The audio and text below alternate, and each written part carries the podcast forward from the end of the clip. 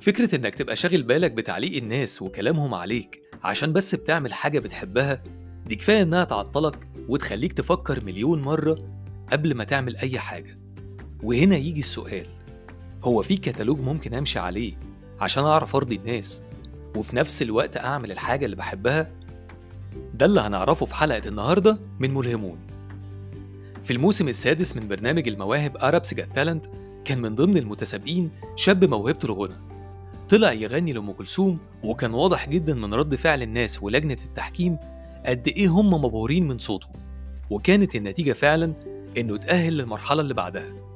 وبعد ما شكرهم قال لهم أنا عايز أقول بس حاجة صغيرة. وهنا بدأت الحكاية.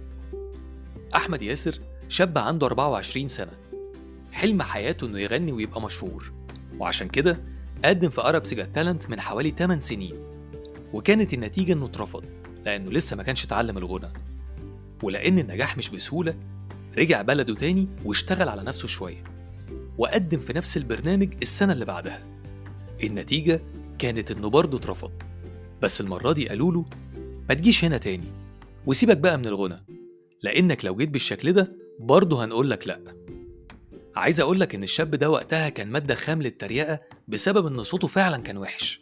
وطبعا رجع بلده بس الدنيا كلها كانت بتضحك عليه.